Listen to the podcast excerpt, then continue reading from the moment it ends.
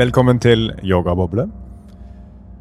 Og i dag skal vi nok en gang snakke om et uh, tema som vi syns er uh, interessant, men som kanskje ikke er sånn direkte knytta til yogafilosofi. Vi skal snakke om kjærlighet. Kjærlighet! Vakreste ord på jord. Jens er litt sliten i stemmen i dag fordi vi, vi var på breathwork i går. Dere har kanskje allerede hørt episoden som handler om det. Ja, da skrek, hylte jeg og skrek, og så da ble jeg veldig rusten i stemmen. Mm. Men kjærligheten, det er jo et av mine sånn favoritt... Eh, favorittemaer, egentlig, å å både tenke på og, og bare oppleve kjærligheten. Det er jo det fineste av alt. Ja, Det fins ikke noe bedre enn det. Så, så, det, så jeg merker Jeg gleder meg til å bare sitte her og snakke om kjærlighet med deg, Henry.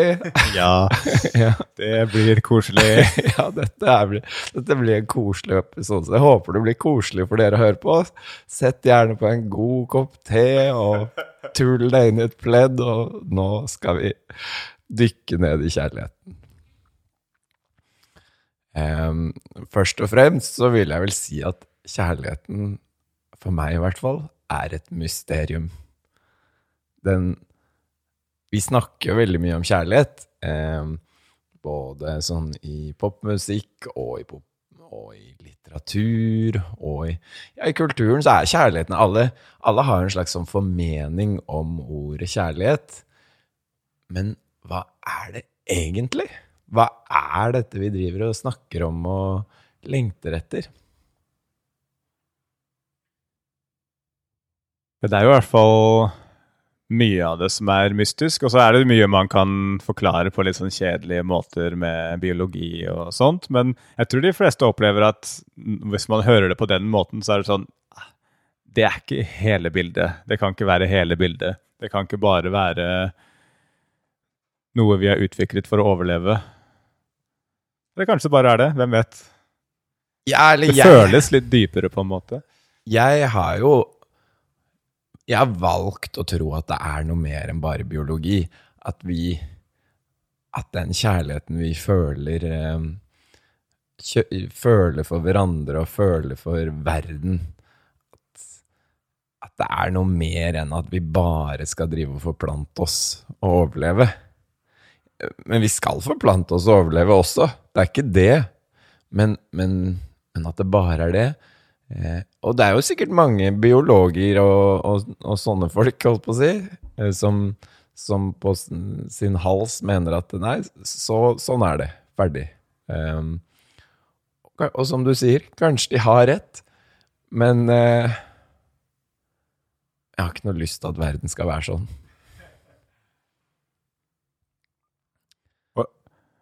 Og jeg tror, så sånn som er mye innenfor um, spiritualitet, at hvis du tror, eller hvis du i hvert fall lever som om ting er dypere enn bare noe partikler og kjemikalier, så får du også mer ut av det. Så, så du, man kan jo på en måte tro hva man vil om kjærlighet, men hvis man behandler det som om det er noe hellig, så blir det det. Det blir på en måte det du gjør det til, da. Ja, det er et godt poeng. Så, så selv om kanskje i bunn og grunn så er verden sånn mekanisk og kjedelig, men så har vi nå engang valget om å, om å fylle tankene våre og oppmerksomhet med det vi vil.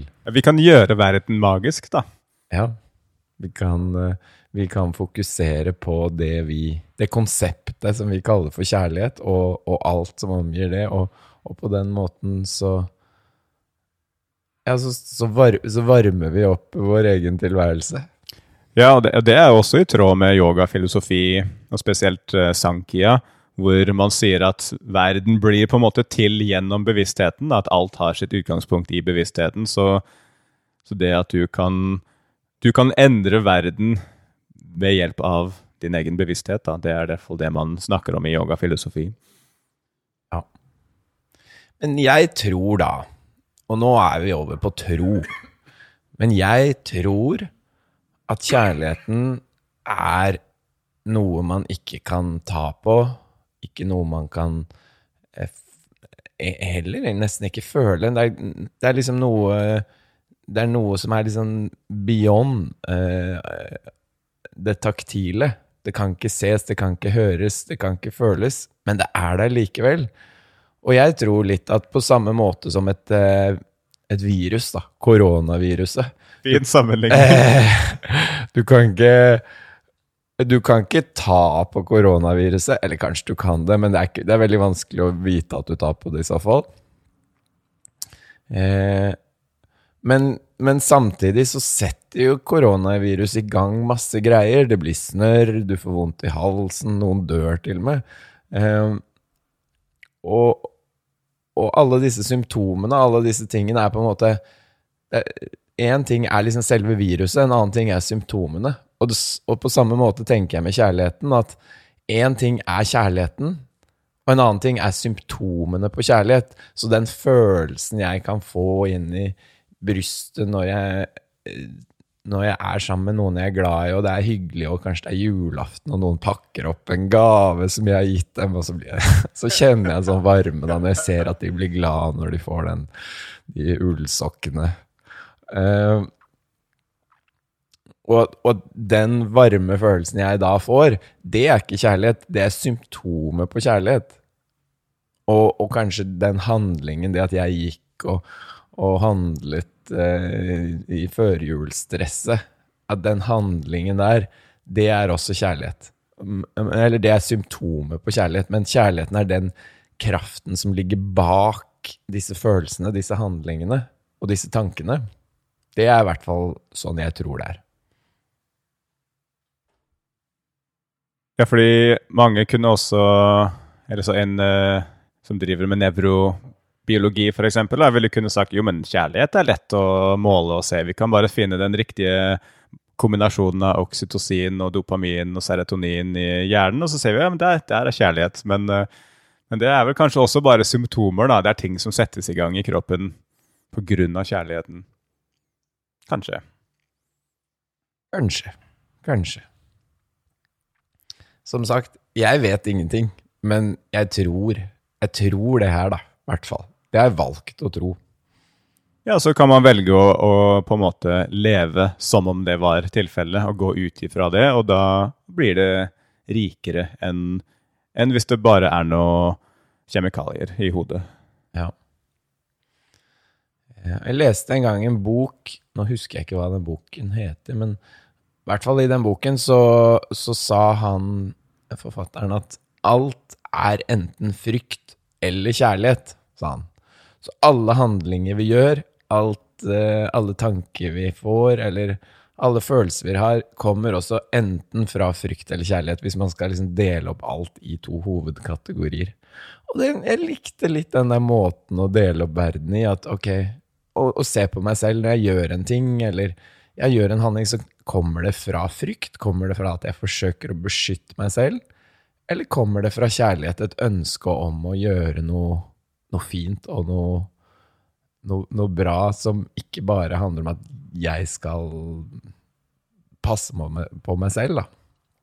Og det er jo en slags kjærlighet det å passe på seg selv òg, det, er ikke- det er ikke det. Så, så, og, og så snakket jeg faktisk med en annen, eh, en som eh, gikk her på yogastudio ved Oslo Hatta Yoga, og hun sa at jo, men selv frykt kommer også fra kjærlighet, fordi frykten stammer fra at man, at man har en kjærlighet til sin egen kropp og en kjærlighet til seg selv, og at det er bare en beskyttelsesmekanisme. Så, så frykten er også en form for kjærlighet. Så med andre ord, så hvis alt er frykt og kjærlighet, men frykt også er en form for kjærlighet, så er egentlig bare alt kjærlighet. Og det syns jeg er veldig koselig. Det er fint. det er fint. Ja. Skal vi snakke litt om forskjellige typer Eller forskjellige eh, manifestasjoner av eh, kjærlighet? Man har jo forelskelse, kanskje. Det er liksom det de fleste kanskje opplever først. Eller nei, den første kjærligheten man opplever, er kanskje den til sine foreldre. Det er vel kanskje Og søsken, kanskje? Ja. Kanskje den kjærligheten du føler til din mor, er vel Ja, kanskje den den, er aller, ur- den, aller første, den aller første du merker. Men den er man kanskje ikke så bevisst. Man på en måte bare, det, er, det er bare en så stor del av verden at du ikke du tenker over at det, er, at det er noe, før du kanskje mister det, da, eller noe sånt noe. Og, og, du har på en måte aldri opplevd en verden uten det, så det er vanskelig å liksom uh, Forelskelse er liksom mye mer på en måte Å, nå skjedde det med meg. Jeg ble forelska. Og det skjer kanskje Ja, når er det det pleier å skje for første gang? Det er nok veldig individuelt. Jeg tror eh, min Jeg, jeg, jeg mener å huske at i barnehagen var jeg liksom Jeg trodde i hvert fall selv at jeg var forelska. Ja. Jeg tror uh, for min del, fra jeg var rundt ti år gammel, så var jeg mer eller mindre konstant hodestups forelska i en eller annen person. Alltid skikkelig stress og veldig slitsomt og mista mye søvn og bare så, altså jeg, jeg, tror jeg blei mye mer forelska enn det folk var forberedt på. så alle blei bare satt ut, liksom. Altså, hvis du er uh, hvis du er elleve år gammel, og så kommer noen bort til deg og bare 'Jeg elsker deg', liksom. det, det, går jo ikke. Det er jo bare helt fjernt. Ja. Så um, ja. Mye, mye lidelse pga. Ja. all den forelskelsen. Men det er jo også en fin følelse. da. Det er jo fint å kunne bare bli så betatt av noen. Ja, jeg har opplevd litt det samme som deg noen ganger. At de ganger, ja, når jeg har vært sånn kjempeforelska i noen som jeg kanskje ikke kjenner så godt, så blir det litt sånn voldsomt hvis man på en måte Hvis man erklærer denne kjærligheten, da. Det setter jo veldig mye press på den andre. Ja, altså man, må, man må liksom holde litt igjen, dessverre. Men sånn, sånn er det nå. Det får man bare, det er kanskje, må tåle. Ja, det er kanskje fordi mm, ja, hvorfor, eh, hvorfor, føler man et press hvis noen erklærer sin kjærlighet til deg? Hvorfor er det noe som eller for veldig mange er en skikkelig negativ opplevelse? Burde ikke det bare vært positivt? Nei, for det gir deg et ansvar som du ikke har bedt om. Ja, Men gjør det det, egentlig? Ja, Det føles litt sånn Jeg tror det nå, føles sånn. Jo, jo, men nå legger jeg mitt hjerte i dine hender. Du kan gjøre hva du vil med det. Men, men det var der allerede? De blir bare bevisst på det, liksom? Ja, men de, da får de på en måte en mulighet til å enten knuse hjertet ditt eller ikke. Eh, og, og, og, det er bare litt Ja, det er litt voldsomt å ha den, eh, den makten, hvis ja, men, du ikke har Men er det, er det, bedre å ha makt uten å være klar over det, eller er det bedre å være makt og være klar over det? For man har den makta uansett, hvis noen er forelska i deg. Jeg vet ikke om det er bedre eller dårligere, det er, men det er i hvert fall på en måte let ignorance is bliss. Ja, Det er mer behagelig å slippe å vite om det. Ja, så ja. Men den forelskelsesfølelsen Jeg husker sist gang jeg var forelska, at det bare føltes som sånn hvit, hvit støy. Sånn Sånn den derre lyden på TV-en i gamle dager. Når det, når, når det, bare var sånn hvitt og svarte prikker som bare Den følelsen i, følelsen i hele kroppen. Og Sånn, ja, også som du sa sånn liksom hvor, hvor, gammel må man være for å vite hva du snakker om nå? Den, man kan Altså Jeg vet ikke. Jeg tror Hvis du er yngre enn 30, så har du kanskje aldri hørt den lyden eller sett. Å oh, ja, den, den, jeg trodde du snakket om kjærlighet. Nei, nå snakker jeg om en TV som er liksom bare oh, ja. skrudd på en blank kanal. da. Ja, Men i hvert fall denne lyden her i hele kroppen. Uh, den Og det er Og jeg synes det var ganske slitsomt, egentlig. At uh, det, det føler Der og da husker jeg var sånn Åh, kan ikke dette gå over snart? Jeg har bare lyst til å gå tilbake til å være vanlig. Jeg tenkte aldri sånn, men jeg, hadde, jeg bare jeg, jeg, visste ikke hva jeg skulle gjøre. Jeg ble, så, jeg ble helt sånn handlingslamma i ja, mange år. Hver gang jeg ble forelska i noen, så var det sånn Ok, men hva gjør jeg? Hva skal, hva, hva, hva skal jeg si? Hva skal jeg si til den personen, liksom? Hva skal jeg gjøre? Og så bare helt håpløst. Jeg ble liksom så Man blir jo så selvbevisst. Det er jo mye lettere å snakke og flørte og tulle med noen som du ikke er forelska i, men hvis du er så forelska, så klarer du ikke å bare være en normal person. Sånn er det. Sånn er det. Det er, eh, det er et paradoks at, eh, at hvis du har veldig Ja, jo mer man har lyst på noe, jo jo dårligere skikket blir man til å få det. ja. Men det er, ja, sånn er liksom naturen skrudd sammen, at hvis man skal gjøre noe som er skikkelig viktig for deg, og du bare virkelig vil, da blir du nervøs. Men kanskje det er en slags eh, beskyttelse mot at man får det for tidlig? At uh, for min del altså, At det er kanskje bra at uh, At man ikke blir sammen med noen man er skikkelig skikkelig forelska i i en alder av tolv. Liksom. Kanskje det ikke er så bra. At det er best å bare utengå det. For meg så liksom Hele mitt kjærlighetsliv var det, fram til det plutselig funka i en alder av 17. Jeg gjorde ikke noe annerledes. Det var liksom bare Plutselig så bare funka det. Jeg opplever det litt sånn at Det er ofte sånn at uh, når, du vil, når, du vil, ha noe, så er det litt sånn i begynnelsen, så, så har du kanskje litt sånn begynnerflaks, eller du, du får litt sånn medvind. Og så er det en sånn følelse av at etter det så går man ofte inn i en sånn fase hvor det er sånn motstand. Hvor det er liksom universet sier til deg sånn Å ja, vil du, vil du egentlig ha det her? Liksom. Så da må du liksom kjempe deg gjennom motstanden før du liksom kan Etter at du har kjempa en stund, eh, få det, da. Ja, Det var sånn jeg opplevde å starte et yogastudio. At universet liksom sa 'Er du sikker på at du virkelig vil det her? Hva om det kommer en pandemi?' ja. vil du det fortsatt da? Ja. Og mange andre ting. Ja. Men, eh. og så Men forelskelse Mange vil jo si at det der er bare en veldig sånn kortvarig kaos av kjemikalier i hodet og så går det over. Det tror jeg de fleste opplever også, at uh, hvis du er forelska i noen, enten så funker det ikke, og så kommer man over det før eller siden, eller så funker det, og så vokser det til noe annet. Den, den der eh, fasen hvor du ikke sover på natta, og hvor du får sommerfugler i magen. og det, Man kan jo ikke leve sånn resten av livet, det ville jo bare vært helt utmattende. Så det forandrer seg til noe annet, da. Ja, det er noe litt sånn dypere der, og det er bare forskjellige fasetter av kjærligheten, da. At ok, først du for, har du forelskelseskjærligheten, og så får du den litt mer sånn dypere kjærligheten som oppleves litt mer sånn som en sånn stabil, varm greie. Uh, ja, som er begge, begge fine. Det er ikke noe galt med det ene eller andre, det er bare to forskjellige former for kjærlighet. Men jeg tror uh, hvis man blir litt sånn hekta på forelskelse, så så går ikke det så bra i lengden. Da blir det til at man på en måte hele tida finner seg nye folk fordi man vil ha den der nyforelska ja, ja, ja. følelsen. Og så, Men det, det, funker ikke. Jeg har aldri møtt noen som har fått det til å funke i lengden. Ja. Jeg husker eh, eh For noen år siden så skulle jeg ta sånn teacher training i, um, i yoga i Frankrike. Så da skulle jeg være i Frankrike i tre måneder. Og så husker jeg før jeg dro, så satt jeg og mediterte.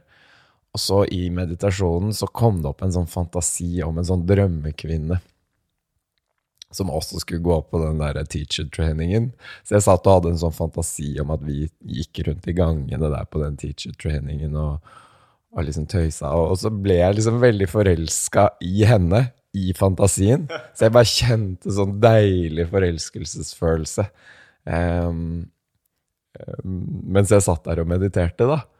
Og så men så plutselig så var det sånn Å ja, nei, men jeg skal jo meditere, ja. Så da vendte jeg da oppmerksomheten min tilbake igjen til eh, pusten, eller til meditasjonsankeret mitt. Men så fortsatte forelskelsesfølelsen å være der, selv om på en måte hun i fantasien min forsvant. Og da skjønte jeg litt sånn at å ja, så selv om på en måte objektet jeg er forelska i, selv om objektet jeg føler en kjærlighet overfor, som dette var jo bare fantasi, til og med Selv om det forsvinner, så finnes kjærligheten, kjærlighetsfølelsen finnes i meg. Og da fikk jeg en litt sånn aha-opplevelse på at ja, men kjærligheten, den er min. Det er ikke sånn at kjær min kjærlighet ligger hos noen andre. All min kjærlighet ligger hos meg. Og ja, det var litt fint å, å virkelig kjenne at, at, uh, at, det er jeg som eier min kjærlighet, og jeg kan til og med elske noen som ikke elsker meg tilbake. Og jeg husker jeg leste den der boka til um, om Ask Burlefot, Agnar Mykle, som heter 'Sangen om det røde rubin'. Uh, og da husker jeg det siste Og den, det er en sånn lang kjærlighetshistorie hvor han forteller om hvor uhyre forelsket han er i en sånn kvinne, og de driver og hopper over et gjerde og sitter i en park i åpningsscenen i boka. Og så i siste på en måte scenen i boka, eller siste eh, ja, kapittel i boka, så, så spør han henne sånn Ja, husker du den gangen da vi hoppet over det gjerdet og var i den parken, og det var så utrolig romantisk? Å, det var så fint. Husker du det? Og så sier hun sånn Nei, det er ikke noe minne om. og så sier han sånn Kjærligheten er en ensom ting. Og det er den jo den er på en måte Kjærligheten kan på en måte ikke deles. Vi kan liksom kanskje oppleve at vi har, begge to har kjærlighet samtidig, men vi, kjærligheten er alltid vår egen, da. Det minner meg litt om um, den teknikken som vi lærte når jeg var på retreat. Jeg har snakka litt om det før, hvor når du mediterer, så kan du på en måte um, tenke på noe som gir deg den kjærlighetsfølelsen eller tenke på noe du, hvor du føler at hjertet er åpent. da. Og så kan du la den tanken gå, og fortsette å meditere med et åpent hjerte. Og det opplevde jeg som at da blir den kjærligheten litt mer, litt mer universell. Da. At, den, at istedenfor at den har et objekt, sånn som du snakka om, så, så, stråler den bare utover inn i liksom universet. Den trenger ikke å treffe noe, liksom. Den kan bare stråle utover, og så men man føler fortsatt den, den, den kjærligheten. Og jeg tror det er litt sånn kanskje folk har det hvis man blir uh, Hvis man går skikkelig inn i yoga, kanskje blir munk, kanskje lever i sølibat, så betyr ikke det at du lever et liv uten kjærlighet. Jeg tror det, det er bare det at du lever et liv uten et objekt. Uten et menneskelig objekt for kjærligheten, da, men at du fortsatt har masse kjærlighet, men at den kanskje er retta mot Gud, eller at den er retta mot på en måte bare eksistensen som helhet. da. Ja, jeg har jo opplevd Jeg har jo sittet mange sånne stille retreats, og det har vært noen av mine mest kjærlighetsfylte opplevelser gjennom livet. Det å, og det er jo et slags paradoks, nesten, at ok, når jeg setter meg helt alene, det er, det, er, det er, da jeg opplever kjærlighet. Jeg opplever også kjærlighet med andre, men jeg kjenner at uh, Jeg har kjent sånn både kjærlighet for naturen Jeg kan liksom se en liten fugl og bare kjenne masse kjærlighet for den lille fuglen, plutselig. Og, og, kjærlighet for en liten maur, eller eh, Og kjærlighet for meg selv. En, en, slags sånn omsorg for meg selv som jeg kanskje i mindre grad har hatt før. Har liksom også oppstått mye mer i disse stille retreatsene. Så det er akkurat som at det å å sette seg og, og, meditere og være med seg selv over lengre tid, på en måte kultivere kjærlighet. Og jeg tror ikke jeg er den eneste som opplever det på den måten. Jeg tror det virker som det er mange som opplever det på den måten. Jeg tror i hvert fall det kan være sånn. Jeg tror kanskje det kommer litt an på intensjonen, eller hvordan man mediterer. Litt sånn som vi snakka om med Karin at uh, for noen så kan meditasjon bare bli veldig stille. At man bare Karin, det var hun i episoden om Karin med Mæland. Ja. Så dere får høre på den hvis dere lurer på hva vi refererer til. Ja, så Vi snakka litt om det her at noen som mediterer, kanskje ikke helt kultiverer den medmenneskeligheten eller den kjærligheten, fordi man kanskje går litt for mye inn i bare stillhet og tomhet. da. Kanskje spesielt innenfor buddhistisk meditasjon så er det kanskje en felle hvis du ikke gjør de andre praksisene som også hører til buddhismen. var det vi snakka litt om i denne episoden. Men øh, kanskje den tradisjonen som er mest opptatt av kjærlighet innenfor yoga, det er nok bhakti-tradisjonen. Hvor uh, bhakti er da yoga hvor hovedpraksisen er å tilbe en eller annen form for gud. Du og da retter du all din kjærlighet mot den guden. Om det, om det er liksom Shiva eller Kali eller Krishna. Det er, det er, liksom ikke Du velger den som på en måte du resonnerer med, og, og, så er det Du praktiserer kjærlighet som en spirituell praksis, da. Det har ikke jeg noe særlig erfaring med. Omtrent ingenting. Hadde noen kanskje lignende Eller noen sånn litt sånn Bhakti-opplevelser når jeg var på stille retreat. Bare noen øyeblikk her og der. Men uh, aldri hatt en Bhakti-praksis. Men jeg håper kanskje en gang i livet at jeg utvikler det. Det hadde vært, uh, jeg tror det hadde vært sunt for meg. Mm. Men det er jo noen som sånn I yogafilosofien så er man jo litt etterpå at det som observerer, det har vi jo snakket om flere ganger før, at det som observerer det, det dypeste i deg, at vi er ikke kroppen eller følelsene eller tankene våre, vi er det som observerer. Og denne bevisstheten som observerer bevisstheten vår, det er også Gud. Det er Og at vi har på en måte alle den samme eh, bevisstheten, er det da noen som mener. Man, man, kan sammenligne det med at vi på en måte alle er liksom krystaller, som på en måte bare i utgangspunktet er uh, steiner, men at man kan skinne et lys gjennom den krystallen, og da blir den på en måte levende.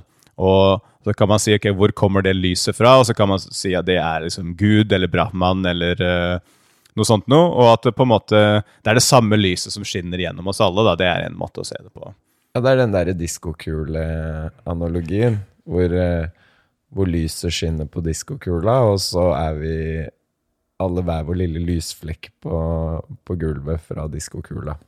At eh, vi opplever oss som individuelle lysflekker, men vi kommer alle fra det samme lyset. Så hvis vi alle er på en måte Vi kommer fra Eller vår bevissthet er det samme Er egentlig det samme. Kommer fra den samme opprinnelige kraften, eller hva man skal kalle det. Eh, og, og, denne opprinnelige bevisstheten er Gud, så er vi da Da sier de da at ok, men da er alle Gud. Du er Gud, jeg er Gud, alle er Gud. Alt er Gud. Og dette er noe som folk har opplevd i alle forskjellige religiøse tradisjoner. Så det finnes jo retning innen, retninger innenfor både kristendommen og islam hvor folk har opplevd det samme. At oi, hvis du søker dypt nok innover i deg selv, så finner du Gud. Og så har mange blitt da Du skal være litt forsiktig i noen kulturer, kanskje spesielt i uh, islam, med å si at du er Gud. Det skal du være litt forsiktig med å si. Så det er mange som har blitt forfulgt pga. den opplevelsen. Um, det, er, det, må jo være en misforståelse, for det er jo ingen som tror at jeg er Gud og du er ikke Gud. liksom. Det er det at alle er Gud. Gud skinner, skinner gjennom oss alle, på en måte. Men uh, ja, man skal nok være litt forsiktig med å si det i noen kulturer. Ja, og det er også filosofer, sånn som han derre barokk Spinoza, han som Arne Næss var veldig Som var hans store forbilde. Han sa jo også det sånn Alt er Gud. Det, han hadde en sånn hel utlegning på hvorfor ikke det kunne være annerledes. Men, men ok, så hvis eh, vi dypest sett er Gud, da, hvis vi på en måte lar det premisset fra forskjellige tradisjoner komme, og så sier jo i kristendommen har jeg hørt mange ganger sånn at sånn det kommer sånne prekener hvor de sier sånn 'Gud er kjærlighet'. Som jeg alltid bare har syntes hørtes ut som en sånn floskel, for å være helt ærlig. Det høres ut som en sånn klisjé sånn 'ja, ja, Gud er kjærlighet', bla, bla, bla, Jesus, bla, bla, bla, bla, bla. Men kanskje det er noe i det. Kanskje, kanskje den kjærligheten vi opplever, at det på en måte den den, ting, den, kraften som setter i gang av alle våre kjærlighetsfulle tanker og alle handlinger, at det er bevisstheten vår, som også er Gud. Og jeg tror også rent praktisk Altså hvis, hvis man skal ha en, en bhakti-praksis, da, f.eks. sånn som man ofte har i kristendommen En stor del av kristendommen er å be til Jesus, eller å be til Gud, eller å kjenne Den hellige ånden. Men å men på en måte, man kan jo prøve å forklare hva er det man egentlig gjør. Og igjen, jeg snakker ikke egentlig av erfaring, men dette er min forståelse av at det å, det å ha en kjærlighet for Gud betyr ikke det at du har en kjærlighet for en eller annen konge eller for en eller annen liksom, diktator som styrer verden, og ok, jeg skal bare elske min konge. Det er liksom ikke det det handler om, selv om jeg tror for mange som er ateister, så kan det virke sånn. Ok, du bare tilber en eller annen diktator som ikke er så veldig snill, og som tillater masse elendighet i verden, og hvorfor skal du elske han, liksom? Men, men eh, og det er fort gjort å tenke sånn som, som ateist. Men, men jeg tror det handler mer om at hvis du elsker Gud, så betyr det egentlig at du elsker kjærlighet. Du, du, vis, du på en måte du elsker eksistensen som helhet. Du elsker på en måte tilværelsen. Og du elsker din egen bevissthet, kan man si. Da. Det, det, det handler litt om en universell kjærlighet, ikke nødvendigvis rettet mot en person. Da. Ja. Elsk, ja, du elsker deg selv, du elsker alle andre, og du elsker ja, verden. Og, og er takknemlig for det, da. Ja. Istedenfor å klage. Fordi det er jo mye å klage på, og det er jo fryktelig slitsomt å leve dette livet her. Eh, og, og, men hvis man bare vender oppmerksomheten på det hele tiden, så blir det jo enda mer slitsomt. Jeg tror um, man har det mye bedre hvis man fokuserer på det man er takknemlig for, og kanskje har en tillit til at alt som virker feil, kanskje ikke er feil allikevel, da. Men uh, det er lettere sagt enn gjort, kanskje. Ja ja, men det, man kan øve. Og det er jo det Det er jo det vi gjør. Vi I hvert fall jeg og du og jeg tror jeg øver litt på det med, med å være yogier. Absolutt. Vi, vi, man trener på å Ja, det er den der uh, balansen mellom å gjøre Prøve å gjøre verden til et bedre sted, men også akseptere verden sånn som den er man kan på en måte gjøre begge de tingene samtidig, men man må jo øve på det. Ja, og jeg tenker at det er så mye folk øver på. Man øver på Jeg øver litt på spansk, prøver å lære meg spansk, og man øver på å spille gitar, eller man øver på å spille ja, World of Warcraft. Jeg vet ikke, Masse forskjellig man kan øve på. Og, og, og, gjennom alt vi øver på, eller alt vi gjør, basically, så kultiverer vi jo noe. Alt vi gjør, blir vi jo flinkere til. Vi øver.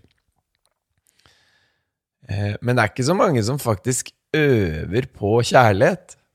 Eller øver på takknemlighet. Sånne ting. Og det går jo an hvis man, hvis man, hvis man bestemmer seg for at ok, nå, nå, er det det jeg skal øve på. Jeg tror at der er det mye å hente, altså. Ja, man, man, tenker at det er sånne ting som bare skjer med deg. bare, Oi, der kom kjærlighet. Oi, der kom litt takknemlighet. Og så bare har man null kontroll over det. Ja. Men uh, det er jo noe man liksom Man dyrker det fram. Ja, det er noen som sier at kjærligheten er et verb. Altså, kjærligheten er noe man gjør, det er ikke noe man mottar. Ja, det er jo fint. Man utøver kjærlighet. Det er ikke noe, bare, det er ikke noe som bare skjer med deg. Det, jeg syns det er litt fint å si kjærligheten er et verb, men da samtidig så er det litt tilbake til at jeg tror at kjærligheten er det som får det verbet i gang, da. Så jeg tror eh, kjærligheten er noe litt dypere enn et verb. Men man kan kanskje øve på å få kontakt med det. Ja. Man, får, man, øver på å slippe det gjennom, slippe det gjennom alle ja. blokkeringene og all frykten vi har i oss, og liksom la alt det liksom vike litt, og så slippe kjærligheten gjennom. Ja, det, det, det likte jeg. Bra. Takk. ja, for ja, at, at, kjærligheten er der kanskje egentlig hele tiden, men så kan man gjøre handlinger som gjør at, at du lar kjærligheten strømme gjennom deg. Da. Så, så, jo flere verb, jo flere handlinger du gjør, jo, jo mer vil du være i kontakt med den kjærligheten du egentlig alltid har, og er. Og, og jeg tror man kan overraske seg sjøl litt også, med på en måte hvor hvor mye kapasitet du har for kjærlighet. Um, jeg husker uh, jeg og min kone vi, uh, En periode så lekte vi med tanken om å ikke ha barn. Vi tenkte ok, vi har det superfint uten barn. Trenger vi egentlig det? Det er så mye vi har lyst til å gjøre, osv. Så sånn som veldig mange par i 20-30-åra tenker akkurat nå for tida. Men, uh, og så tenkte vi ja, og så hvis vi på en måte venter for lenge, så mister vi jo sjansen, men det går jo an å adoptere. Og så tenkte jeg ja, men får man den samme kjærligheten til et barn man adopterer, mot, i, sammenlignet med et barn man føder sjøl, da? Uh, jeg var liksom litt sånn usikker. Det liksom, blir det, blir det liksom nok kjærlighet der? Uh, men så, litt seinere, så adopterte vi en hund. En voksen hund. Og den kjærligheten jeg føler for den hunden, overbeviste meg om at ok, jeg, jeg, kan føle kjærlighet for et adoptert barn. Hvis jeg kan føle så mye kjærlighet for en voksen hund fra Portugal, så er det ikke noe i veien. Det er liksom ikke noe det er ikke noe begrensning for hvor mye kjærlighet man kan føle da. Ja. Jeg har sett deg sammen med den hunden. Du oser kjærlighet sammen med den hunden. Jakob. Ja, og nå skal vi jo også ha et uh, barn, så jeg er spent på eh, hvor mye kjærlighet det går an å føle. Jeg tror det blir mye, altså. Jeg har hørt at det er mye. Jeg har hørt at det er mye. Ja, ja, ja. Men det jeg lurer jeg litt på, da Kan man, kan man elske alle? Fordi vi er jo veldig sånn selektive på hvem vi har kjærlighet til. At det er, vi må, må familie og nære relasjoner. Og så utenom det så er det sånn Nei, jeg kan ikke elske han mannen i kassa på butikken. Det, han kan jeg ikke elske. Men hvorfor ikke? Kan man liksom øve seg på å bare gå rundt og bare forsøke å føle kjærlighetsfulle følelser overfor alt og alle? Jeg, jeg tror det. Jeg tror man kan det. Hvorfor gjør vi ikke det, da? Det føles på en måte litt trygt å mislike folk også, eller være du, Altså, med, når du åpner deg opp for kjærlighet, så blir du jo sårbar. Så du, du krever en enorm styrke å, å tillate deg sjøl å elske. Fordi hvis du hvis du skal elske noen, så har de makt over deg. Du kan bli såra, og hvis du da ikke tåler å bli såra, så sliter du. Da vil du være redd for å vise kjærlighet. Ja, love hurts. Mm. Så, så jeg tror eh, man må bygge opp den styrken og tilliten. Og det er jo noe man må bare øve på.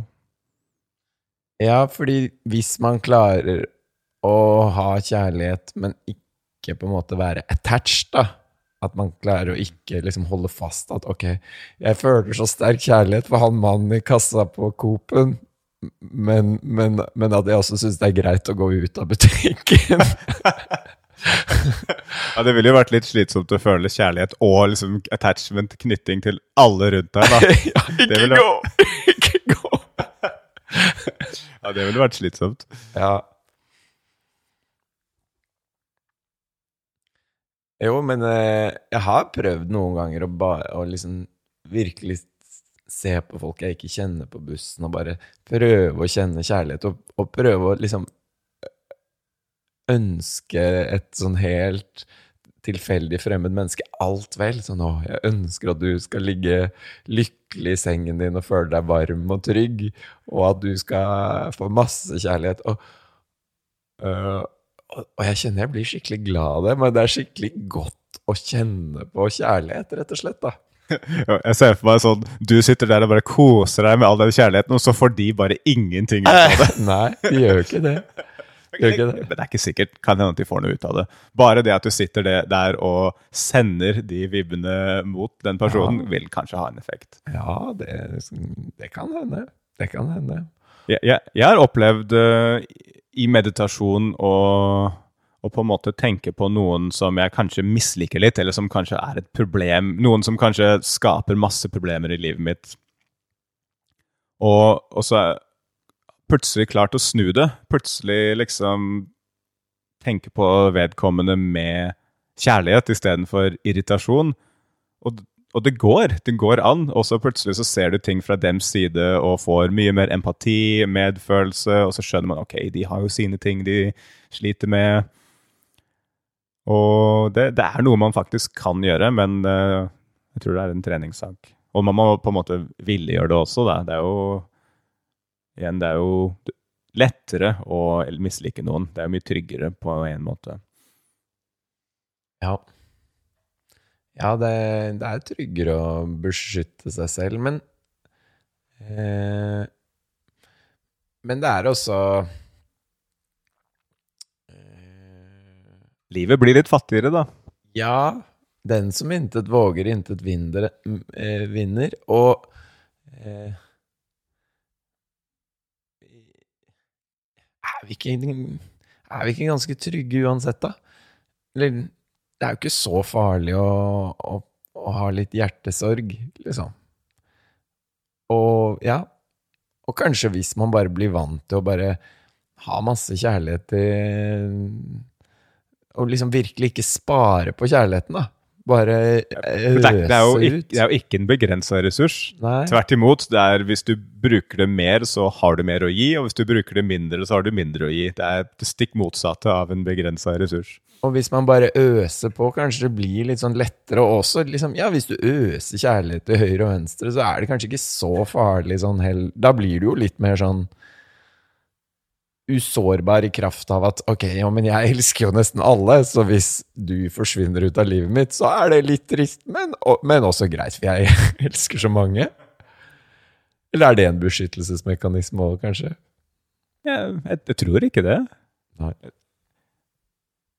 Så lenge man på en måte tillater seg sjøl å kjenne på den sorgen, da, men, og, men også bare la den sorgen være en fin ting også, da. Ja, ja. Det er et sitat som jeg liker, som eh, Jeg husker ikke hvem som har sagt det, eller hvor det kommer fra, men, men jeg liker det i hvert fall. Som er sånn The people of love are loved through their love. The people of love are loved through their love. Det, føles, det kan ikke helt oversettes, det funker ikke helt på norsk. Kjærlighetsfolket. ja, kjærlighetsfolket er elsket gjennom deres kjærlighet. Det er bare, men fordi vi har jo elske og kjærlighet er liksom to forskjellige, og da, mens på engelsk blir det bare love, love, love. love. Jeg vet ikke hvorfor. Jeg bare syns det er så koselig, det sitatet. Og det, og, det er, og det, peker vel kanskje noe tilbake på det der at At, ja, at man blir elsket gjennom sin egen kjærlighet, da. At det å, å, gi kjærlighet er også det som gjør at du får kjærlighet, da. Det er det derre Beatles eh, Den derre siste strofen i den Beatles-sangen som er sånn And in the end, the love you take is equal to the do, do, do, do, do, the love you make. Husker du den? Nei. Hvilken sang er det? Jeg husker ikke. Det er, det er ikke så farlig. Men det gir jo mening at uh, Altså, kanskje fordi det man dypest sett elsker, er kjærlighet. Det er jo det man ja. elsker. Ja. Kanskje vi skal la det bli siste ord? Det høres bra ut. Men håper dere har kost dere med våre kjærlighets... Eh, vår, med vår kjærlighet. Vi har kjærlighet til alle dere våre lyttere. Skal prøve å være litt mindre klissete i neste episode. Ja, ja vi, får, vi, får, tørke opp litt. Ok. Takk for i dag. Takk for i dag. Mm